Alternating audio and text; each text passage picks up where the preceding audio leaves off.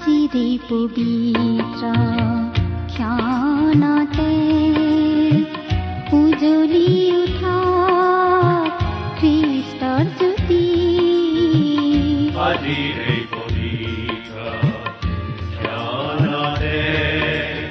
ভক্তিবচন অনুষ্ঠানৰ মজিয়ালৈ আপোনাক স্বাগতম প্ৰিয় শ্ৰোতা। ভক্তিবচন অনুষ্ঠানত আপোনাক পুনৰ লগ পাই আমি নথৈ আনন্দিত। আশা কৰো এই অনুষ্ঠানত প্ৰচাৰ হোৱা বাক্যসমূহে আপোনাৰ ব্যক্তিগত জীৱনত অলপ হলেও সহায় কৰিছে। ঈশ্বৰ এগৰাকী সৰ্বশক্তিশালী ব্যক্তি। তেওঁ পৃথিৱী আকাশমণ্ডল আৰু সৌৰজগতৰ সকলোকে নিজৰ ইচ্ছাৰে আৰু পৰাক্ৰমেৰে শৃংখলাবদ্ধভাৱে স্থিৰ কৰি থৈছে। তেওঁ প্ৰতিটো বিষয়কে একো একোটা নিয়মৰ অৰ্থাৎ নিজ নিজ সীমাৰ অন্তৰ্ভুক্ত কৰি ৰাখিছে। সেইকাৰণে সকলোবোৰ সুন্দৰকৈ চলি আছে। সেইবোৰৰ এটা বিষয়েও যদি নিজ নিয়মক চেৰাই যাবলৈ ধৰে তেন্তে সকলোবোৰ খেলি মেলি অৰ্থাৎ ধ্বংস হ'ব। আমাৰ জীৱনবোৰো তেনেকুৱা। আপোনাৰ মোৰ জীৱনটোকো ঈশ্বৰে বৰ সুন্দৰকৈ শৃংখলাবদ্ধভাৱে মংগলৰ আঁচনিৰে সজাই ৰাখিছে। ঈশ্বৰৰ পৰাক্ৰমী সুৰক্ষাৰ তলত আপোনাৰ জীৱন সদায় সুৰক্ষিত। তেওঁত আশ্ৰয় ললে আপুনি জীৱনৰ প্ৰকৃত আনন্দ বিচাৰি পাব। তেওঁৰ বাক্যই আপোনাক তেওঁৰ বিষয়ে আৰু অধিককৈ জানিবলৈ সহায় কৰাৰ আশাৰে এয়া আপোনালৈ আগবঢ়াইছো। ভক্তি বচন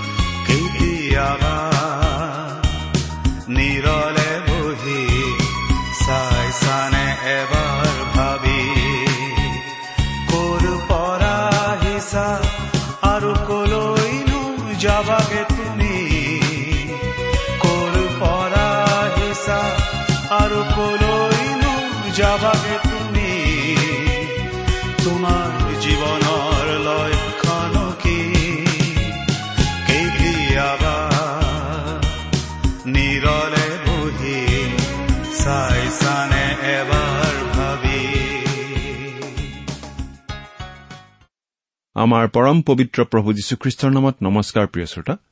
আশা কৰো মহান পিতা পৰমেশ্বৰৰ মহান অনুগ্ৰহত আপুনি ভালে কুশলে আছে। আপুনি বাৰু আমাৰ এই ভক্তিবচন অনুষ্ঠানটো নিয়মিতভাৱে শুনি আছেনে? শুনি কেনে পাইছে আমালৈ চিঠি লিখি জনাবচোন। আহকচোন আজিৰ বাইবেল অধ্যয়ন আৰম্ভ কৰাৰ আগতে খন্তেক প্ৰাৰ্থনাত মূৰ দুৱাওঁ।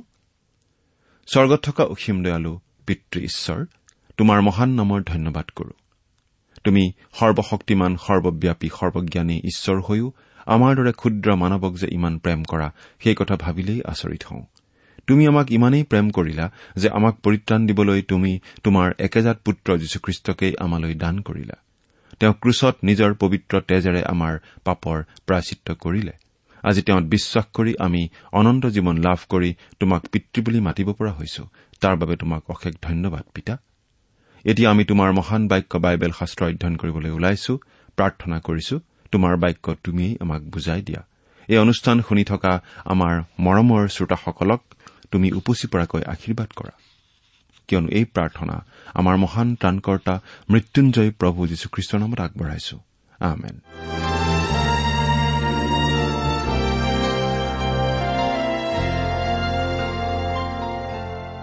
প্ৰিয় শ্ৰোতা আপুনি বাৰু আমাৰ আগৰ অনুষ্ঠানটো শুনিছিল নে আমি বাৰু কি অধ্যয়ন কৰিছিলো আপোনাৰ মনত আছেনে?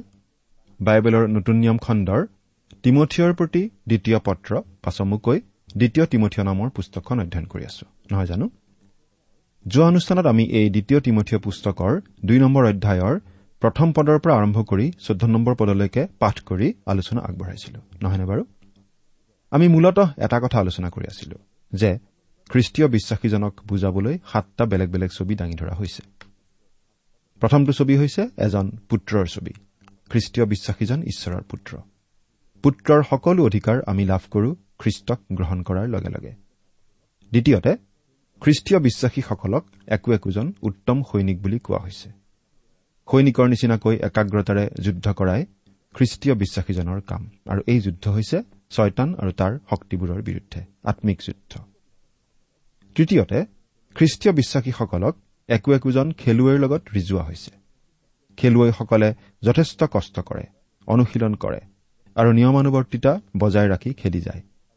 তেতিয়াহে পুৰস্কাৰ আশা কৰিব পাৰে।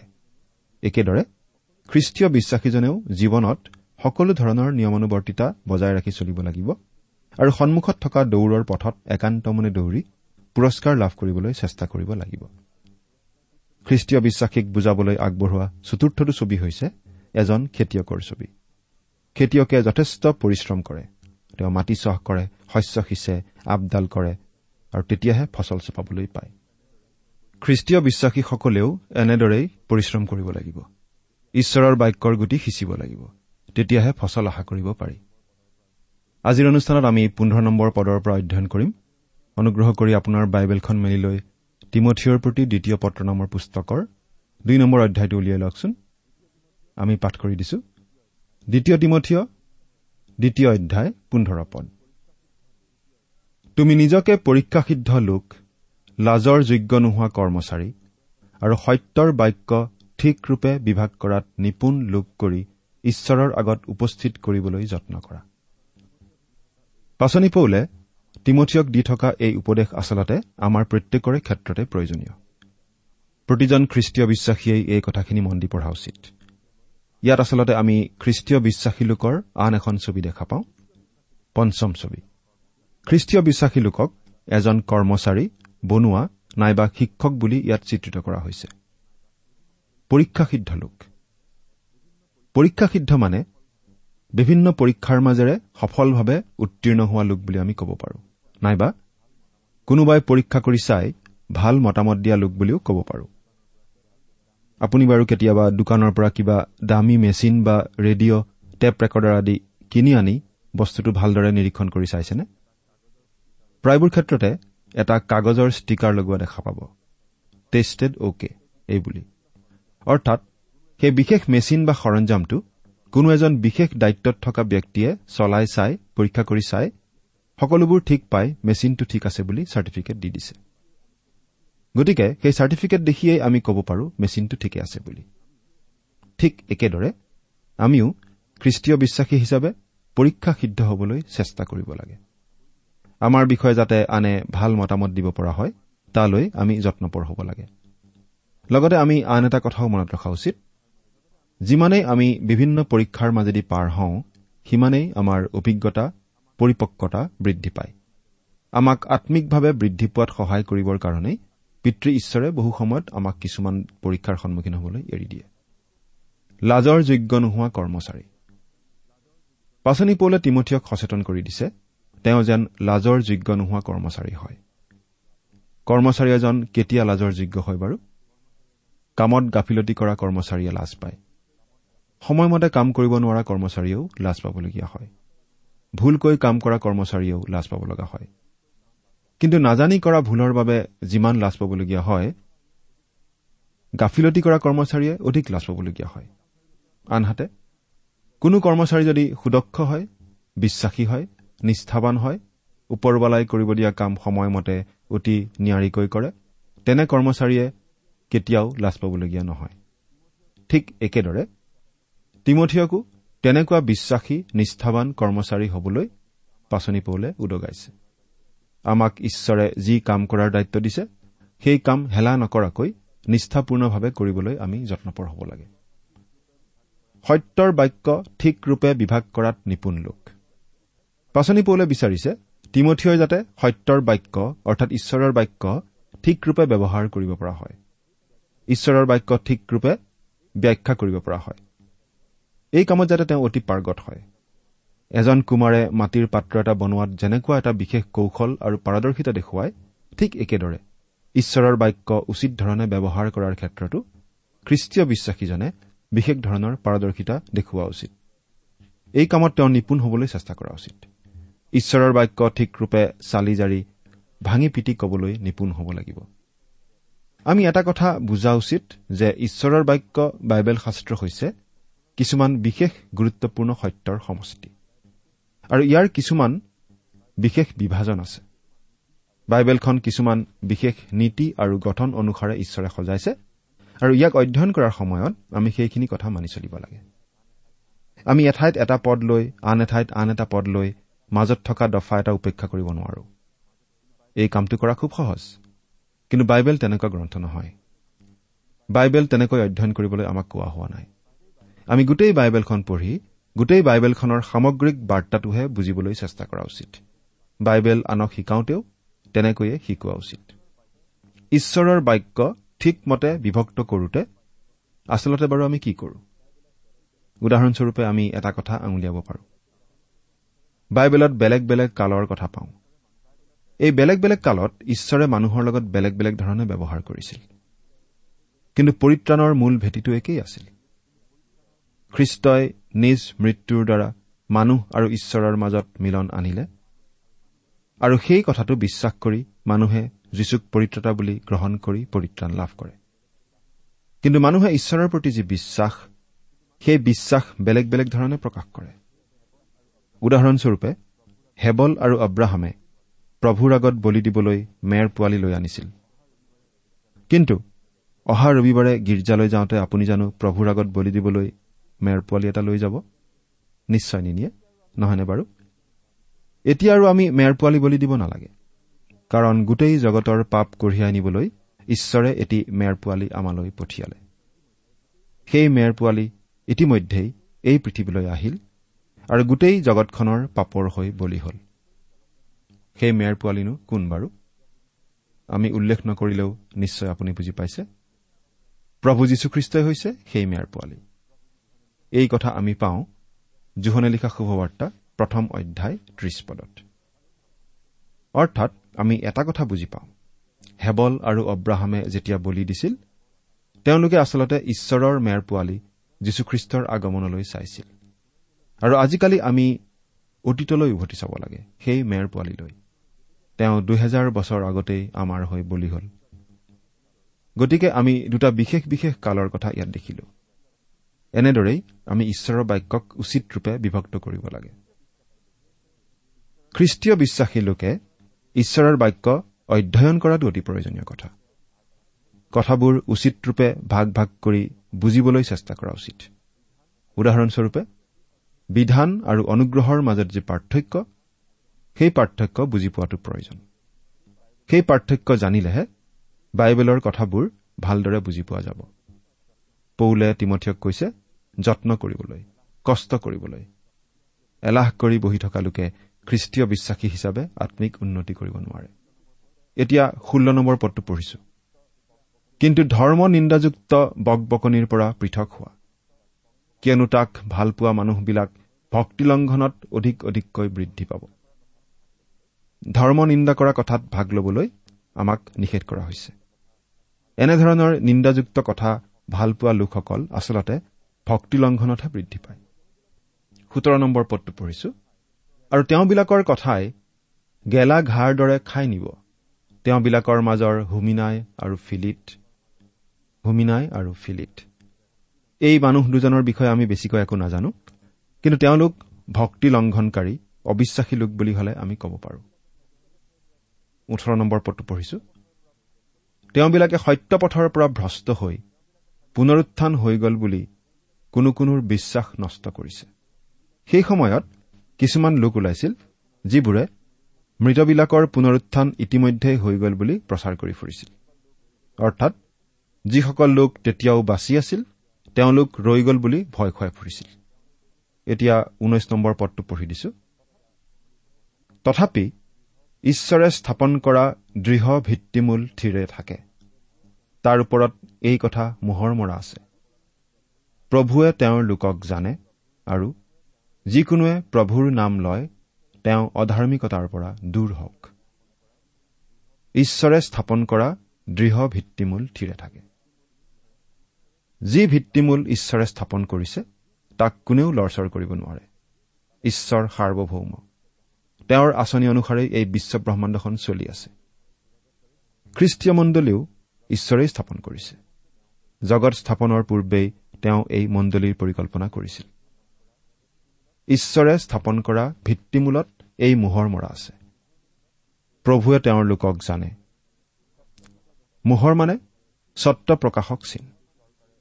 কোনো এটা বস্তুত চৰকাৰে মোহৰ মাৰি দিলে সেইটো হৈ পৰিব চৰকাৰৰ বস্তু। ঈশ্বৰেও নিজৰ বস্তুৰ ওপৰত মোহৰ মাৰি দিয়ে। আমি পুৰণি নিয়মৰ দ্বিতীয় বিৱৰণ পাঠ কৰোঁতে এনেদৰে পাইছিলো যে ঈশ্বৰে ইছৰাইলীয় লোকসকলক তেওঁৰ আজ্ঞাসমূহ শুনি লৈ সেই আজ্ঞাবোৰ পালন কৰিবলৈ কৈছিল। আৰু কেৱল সেয়ে নহয় তেওঁ এনেদৰে কৈছিল। পাঠ কৰি দিছো। আৰু তুমি নিজ নিজ সন্তানবিলাকক যত্নেৰে সেইবোৰ শিকাবা। আৰু তুমি ঘৰত বহোঁতে বা বাটত যাওঁতে বা শুওঁতে বা উঠোতে সেইবোৰৰ বিষয়ে কথা বতৰা হবা। আৰু তোমাৰ হাতত চিনস্বৰূপে সেইবোৰ বান্ধিবা। আৰু সেইবোৰ তোমাৰ দুই চকুৰ মাজত ভূষণস্বৰূপ হ'ব লাগে। আৰু তোমাৰ ঘৰৰ দুৱাৰৰ খুটাত আৰু তোমাৰ বাহিৰৰ দুৱাৰত সেইবোৰ লিখি ৰাখিবা। দ্বিতীয় বিৱৰণ ছয় অধ্যায় সাতৰ পৰা ন নম্বৰ পদ। অৰ্থাৎ ইছৰাইলীয় লোকসকলে নিজৰ নিজৰ ঘৰখন ঈশ্বৰৰ বাক্যৰ প্ৰচাৰ পত্ৰিকা বা ছাইনবোৰ্ডৰ নিচিনাকৈ ব্যৱহাৰ কৰিবলৈ কোৱা হৈছিল। তেনে কৰাৰ দ্বাৰা তেওঁলোকে ঈশ্বৰক উপাসনা কৰা লোক বুলি পৰিচয় দিব লাগিছিল। আজি খ্ৰীষ্টীয় বিশ্বাসীজনৰ বাবে এই কথাটো কেনেদৰে খাটে? খ্ৰীষ্টীয় বিশ্বাসীজনে বাৰু কেনেকৈ আনৰ আগত ঘোষণা কৰিব বা চিনাকি দিব যে তেওঁ ঈশ্বৰৰ সন্তান? যিকোনোৱে প্ৰভুৰ নাম লয় তেওঁ অধাৰ্মিকতাৰ পৰা দূৰ হওক। এনেদৰেই মানুহবোৰে চিনি পাব কোনজন লোক খ্ৰীষ্টৰ কোনজন নহয়। এয়েই হৈছে পৃথক হোৱা প্ৰক্ৰিয়া। মন্দতাৰ পৰা পৃথক হোৱা আৰু খ্ৰীষ্টলৈ বুলি পৃথক হোৱা।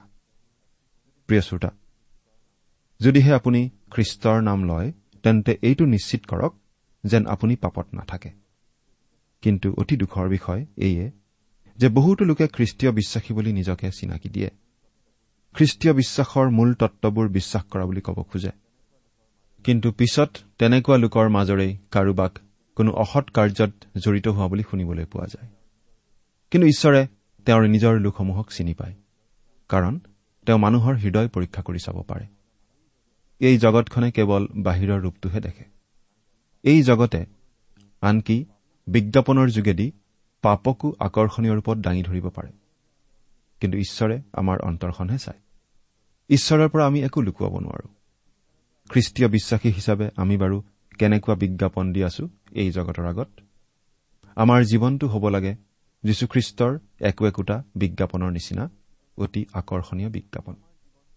আমাৰ জীৱন এনেকুৱা হ'ব লাগে যাতে আমাক দেখিলেই মানুহে খ্ৰীষ্টক দেখে। এতিয়া আমি খ্ৰীষ্টীয় বিশ্বাসীজনৰ আন এটা ছবি দেখা পাওঁ। এটা পাত্ৰৰ ছবি। খ্ৰীষ্টীয় বিশ্বাসীজনক এটা পাত্ৰৰ লগত তুলনা কৰা হৈছে। বিশ আৰু একৈশ নম্বৰ পদ দুটা পঢ়ি দিছো। ইয়াত এনেদৰে লিখা আছে কিন্তু ডাঙৰ ঘৰত কেৱল সোণ ৰূপৰ পাত্ৰহে থাকে এনে নহয়। কাঠৰ আৰু মাটিৰ পাত্ৰও থাকে। তাৰে কেতবোৰ সমাদৰৰ কাৰণে কেতবোৰ অনাদৰৰ কাৰণে। এতেকে কোনোৱে যদি এইবোৰৰ পৰা নিজকে সূচী ৰাখে তেন্তে তেওঁ সমাদৰৰ পাত্ৰ পবিত্ৰীকৃত। প্ৰভুৰ কাৰ্যৰ নিমিত্তে উপযোগী আৰু সকলো সৎকৰ্মৰ নিমিত্তে প্ৰস্তুত হ'ব। খ্ৰীষ্টীয় বিশ্বাসীজনক ইয়াত এটা পাত্ৰৰ লগত তুলনা কৰা হৈছে। পাত্ৰ এটা ব্যৱহাৰ কৰিবলৈ হলে সেই পাত্ৰটো পৰিষ্কাৰ হ'ব লাগিব। উদাহৰণস্বৰূপে ধৰক আপুনি এখন মৰুভূমিৰ মাজেৰে গৈ আছে। গৈ গৈ আপুনি এখন মৰুদ্যান পালে। আপুনি একেবাৰে ভাগৰি পৰিছে। পিয়াহত আপোনাৰ অন্থকণ্ঠ শুকাই গৈছে। তাতে আপুনি দুটা গিলাচ পালে। এটা সোণৰ গিলাচ। খুব ধুনীয়া কাৰুকাৰ্য কৰা সোণৰ গিলাচ। কিন্তু গিলাচটো অতি লেতেৰা। লগতে আপুনি আন এটা গিলাচ পালে। গিলাচটো ফাটি গৈছে। অতি সাধাৰণ ষ্টীলৰ গিলাচ। কোনোমতে পানী খাব পাৰি। কিন্তু গিলাচটো অতি পৰিষ্কাৰ। আপুনি বাৰু কোনটো গিলাচেৰে পানী খাব? ভাবি চাওকচোন। উত্তৰটো আমি সকলোৱে জানো। আমি সাধাৰণ গিলাচ হলেও পৰিষ্কাৰ গিলাচটোলৈহে পানী খাম। আমাৰ প্ৰখৰ বুদ্ধি থাকিব পাৰে। আমাৰ নানা ধৰণৰ প্ৰতিভা থাকিব পাৰে। তাৰ বাবে ঈশ্বৰে আমাক নিশ্চয় ভাল পাব। কিন্তু ঈশ্বৰেও পৰিষ্কাৰ গিলাচহে পৰিষ্কাৰ পাত্ৰহে ব্যৱহাৰ কৰিব। তেওঁ লেতেৰা পাত্ৰ ব্যৱহাৰ নকৰে। আপোনাৰ বোধকৰো মনত আছে? জোহনে লিখা শুভবাৰ্তাৰ দ্বিতীয় অধ্যায়ত আমি পাইছিলো কান্না নগৰত এখন বিয়াত প্ৰভু যীশুৱে পানীক দ্ৰাক্ষাৰসত পৰিণত কৰিছিল। তেওঁ পাত্ৰবোৰ পানীৰে পূৰ কৰিব দিছিল আৰু সেই পানীকে দ্ৰাক্ষাৰসত পৰিণত কৰিছিল। সেইকেইটা সাধাৰণ পাত্ৰ আছিল কিন্তু সেই সাধাৰণ পাত্ৰকেইটাকে ব্যৱহাৰ কৰি তেওঁ নিজৰ মহিমা প্ৰকাশ কৰিছিল। আজিও প্ৰভু যীশুৱে পৰিষ্কাৰ পাত্ৰহে বিচাৰে ধুনীয়া আকৰ্ষণীয় পাত্ৰ নহয় পৰিষ্কাৰ পাত্ৰ। প্ৰতিজন খ্ৰীষ্টীয় বিশ্বাসীয়ে নিজক পৰিষ্কাৰ কৰি ৰখা উচিত যাতে প্ৰভু যীশুৱে ব্যৱহাৰ কৰিব পাৰে। আমি অতি সাধাৰণ মানুহ হ'ব পাৰোঁ। কোনো বিশেষ প্ৰতিভা আমাৰ নাথাকিব পাৰে। কিন্তু আমি যদি পৰিষ্কাৰ হৈ থাকো আম্মিকভাৱে তেন্তে প্ৰভু যীশুৱে আমাক ব্যৱহাৰ কৰিব পাৰে। তেওঁ ব্যৱহাৰ কৰিব। আমি পৰিষ্কাৰ হৈ থাকো যদি আমি পাপৰ পৰা নিজকে পৃথক কৰি ৰাখো। এতিয়া বাইশ নম্বৰ পদটো পঢ়িছো। কিন্তু তুমি যৌৱনকালৰ অভিলাষৰ পৰা পলোৱা। আৰু ধাৰ্মিকতা বিশ্বাস প্ৰেম আৰু শুদ্ধ মনেৰে প্ৰভুলৈ প্ৰাৰ্থনা কৰাবিলাকে সৈতে ঐক্য। এই সকলোবোৰক খেদি যোৱা। আমি নিজকে পৰিষ্কাৰ কৰি ৰাখিবলৈ হলে যৌৱনকালৰ অভিলাষবোৰৰ পৰা আঁতৰি থাকিব লাগিব। যৌৱনকালৰ অভিলাষ বুলি কলে আমাৰ মনলৈ বাৰু কি কি আহে? যৌৱনকালৰ অভিলাষ বুলি কোৱাৰ লগে লগে আমাৰ মনলৈ আহে ধন ক্ষমতা আৰু যৌন অভিলাষৰ কথা। এইবিলাক অভিলাষে যিকোনো যুৱক যুৱতীক বিচলিত কৰিব পাৰে। সেইবাবে এই ধৰণৰ যিকোনো জাগতিক অভিলাষৰ পৰা আমি পলাব লাগে। পলাব লাগে মানে আমি দস্তুৰ মত পলাব লাগে। বাঘ দেখিলে আমি যেনেকৈ পলাম কোনো বিপদ যেতিয়া দেখো আমি যেনেকৈ পলাম ঠিক তেনেকৈ আমি পলাব লাগে। এই অভিলাষবোৰৰ পৰা। কেৱল পলালেই নহ'ব। আমি ধাৰ্মিকতা বিশ্বাস প্ৰেম আৰু শুদ্ধ মনেৰে প্ৰভুলৈ প্ৰাৰ্থনা কৰাবিলাকে সৈতে ঐক্য। এই সকলোবোৰক খেদি যাব লাগে। অৰ্থাৎ আমি ধাৰ্মিকতাৰ পথত চলিবলৈ যত্ন কৰিব লাগে। বিশ্বাস আৰু প্ৰেমত বৃদ্ধি পাবলৈ যত্ন কৰিব লাগে।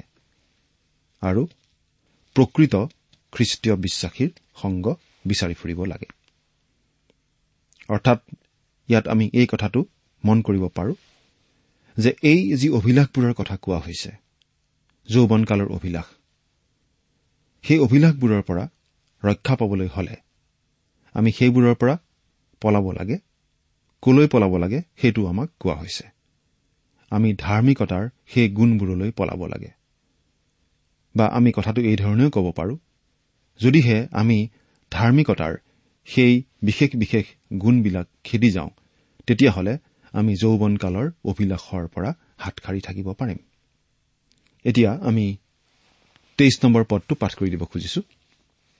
তেইছ নম্বৰ পদ। কিন্তু মূঢ় আৰু অশিষ্ট বাদ বিচাৰবোৰে যে বিৰোধ জন্মায় ইয়াকে জানি সেইবোৰত মন নিদিবা। অদৰকাৰী কথা কিছুমানক লৈ বাদ বিচাৰ কৰি সময় নষ্ট কৰি লাভ নাই। এই কথা আমি মনত ৰখা উচিত। আমাৰ মূল কাম কিন্তু এটাই প্ৰভু যীশুৰ বাক্য ঘোষণা কৰা। আৰু প্ৰভু যীশুৰ বাক্যৰ আধাৰত খ্ৰীষ্টীয় বিশ্বাসীসকলক গঢ়ি তোলা। আমি সেই কামতেই মনোনিৱেশ কৰি থাকিব লাগে। এতিয়া চৌব্বিছ নম্বৰ পদৰ পৰা একেবাৰে ছাব্বিছ নম্বৰ পদলৈকে আমি পাঠ কৰি দিব খুজিছো। প্ৰভুৰ দাসে বিৰোধ কৰিব নালাগে। কিন্তু সকলোলৈকে মৃদুশীল শিক্ষা দিয়াত নিপুণ আৰু অপকাৰত সহনীয় হৈ বিৰোধ কৰাবিলাকক মৃদুভাৱে শিক্ষা দিব লাগে। তাতে কিজানি সত্যৰ তত্বজ্ঞানৰ অৰ্থে ঈশ্বৰে তেওঁবিলাকক মন পালটনস্বৰূপ বৰ দিব আৰু ছয়তানৰ ইচ্ছা সাধনৰ অৰ্থে তাৰ দ্বাৰাই ধৃত হোৱাত তেওঁবিলাক তাৰ ফাণ্ডৰূপ ৰাগীৰ পৰা হুচ পাব। ইয়াত আমি খ্ৰীষ্টীয় বিশ্বাসীজনৰ সাত নম্বৰ ছবিখন দেখা পাইছো। খ্ৰীষ্টীয় বিশ্বাসীজনৰ সাত নম্বৰ ছবি। খ্ৰীষ্টীয় বিশ্বাসীসকলক এজন দাসৰ লগত তুলনা কৰা হৈছে। খ্ৰীষ্টীয় বিশ্বাসীজন হৈছে প্ৰভু যীশুখ্ৰীষ্টৰ দাস। দাস হিচাপে তেওঁ হ'ব লাগে মৃদুশীল। কোনো ধৰণৰ ওজৰ আপত্তি নকৰি কাম কৰাই প্ৰকৃত দাসৰ লক্ষণ। খ্ৰীষ্টীয় বিশ্বাসীজনে শিক্ষা দিয়াত হ'ব লাগে নিপুণ। অপকাৰতো সহনশীল হ'ব লাগে। কোনোবাই অপকাৰ কৰিলেও ওলোটাই অপকাৰ নকৰি মৃদু স্বভাৱৰহে পৰিচয় দিব লাগে। প্ৰভু যীশুৰ শুভবাৰ্তা সকলো লোকে বিশ্বাস নকৰিবও পাৰে কোনো কোনো লোকে বিৰোধ কৰিব পাৰে। যুক্তিতৰ্কৰ সৃষ্টি কৰিব পাৰে কিন্তু খ্ৰীষ্টীয় বিশ্বাসীসকলে কোনো ধৰণৰ যুক্তিতৰ্কলৈ নগৈ কেৱল প্ৰভুৰ বাক্য বিলালেই হ'ল। প্ৰভুৰ বাক্য যি ৰূপত আছে সেই ৰূপত বিলালেই হ'ল। বাকীখিনি প্ৰভুৰ কাম। আমাৰ কাম কেৱল প্ৰভুৰ বাক্য বিলাই দিয়া। প্ৰিয় শ্ৰোতা আমি আজিও এই সময়তো প্ৰভুৰ বাক্যই বিলাই আছো। প্ৰভু যীশুৱে যে আমাক পৰিত্ৰাণ দিয়ে সেই কথা আমি জনাই আছো। আপুনি বাৰু প্ৰভুৰ বাক্য বিশ্বাস কৰি প্ৰভু যীশুকেই আপোনাৰ পৰিত্ৰতা হিচাপে গ্ৰহণ কৰিছেনে? ঈশ্বৰে আপোনাক আশীৰ্বাদ কৰক। প্ৰিয় শ্ৰোতা ইমান পৰে আপুনি বাইবেল শাস্ত্ৰৰ পৰা ঈশ্বৰৰ বাক্য শুনিলে। এই বিষয়ে আপোনাৰ মতামত জানিবলৈ পালে আমি নথৈ আনন্দিত হ'ম। আমি প্ৰস্তুত কৰা বাইবেল অধ্যয়নৰ চিডিসমূহ পাব বিচাৰিলে আৰু অনুষ্ঠানত প্ৰচাৰ কৰা কোনো কথা বুজিব লগা থাকিলেও আমালৈ লিখক। আমাৰ যোগাযোগৰ ঠিকনা ভক্তিবচন ট্ৰান্সৱৰ্ল্ড ৰেডিঅ' ইণ্ডিয়া ডাক বাকচ নম্বৰ সাত শূন্য গুৱাহাটী সাত আঠ এক শূন্য শূন্য এক। ঠিকনাটো আকৌ এবাৰ কৈছো ভক্তিবচন ট্ৰান্সৱৰ্ল্ড ৰেডিঅ' ইণ্ডিয়া ডাক বাকচ নম্বৰ সাত শূন্য গুৱাহাটী সাত আঠ এক শূন্য শূন্য এক। আমাৰ ইমেইল এড্ৰেছটো হৈছে Assamese T TV at the rate radio' eight eight two dot com. আমাৰ website W W W dot T W R dot in. আপুনি টেলিফোনৰ মাধ্যমেৰেও আমাক যোগাযোগ কৰিব পাৰে। আমাৰ টেলিফোন নম্বৰটো হৈছে nine eight five four zero' four zero' eight eight nine. Phone নম্বৰটো আকৌ এবাৰ কৈছো ন আঠ পাঁচ চাৰি শূন্য চাৰি শূন্য আঠ আঠ ন। আপুনি এই ভক্তিবচন অনুষ্ঠানটি আমাৰ website W W W dot radio' eight eight two dot কমতো শুনিব পাৰিব। আজিৰ অনুষ্ঠানটি ইমানতেই সামৰিছো। ঈশ্বৰৰ শান্তি আৰু অনুগ্ৰহ আপোনাৰ লগত থাকক। ধন্যবাদ। যিচুৰ বাদে কোনো নাই।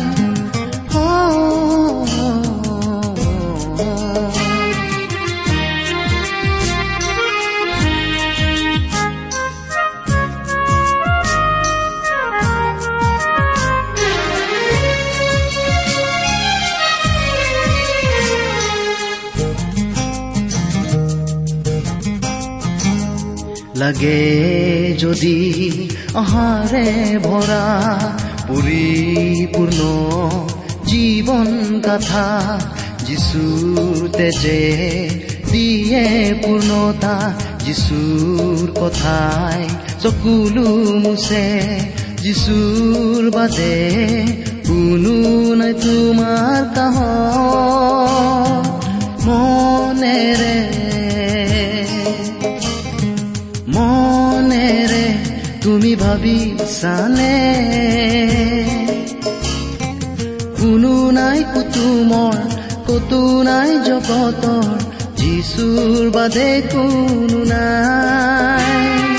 কোনো নাই কুতুমৰ কতো নাই জগতৰ যিচুৰ বাদে কোনো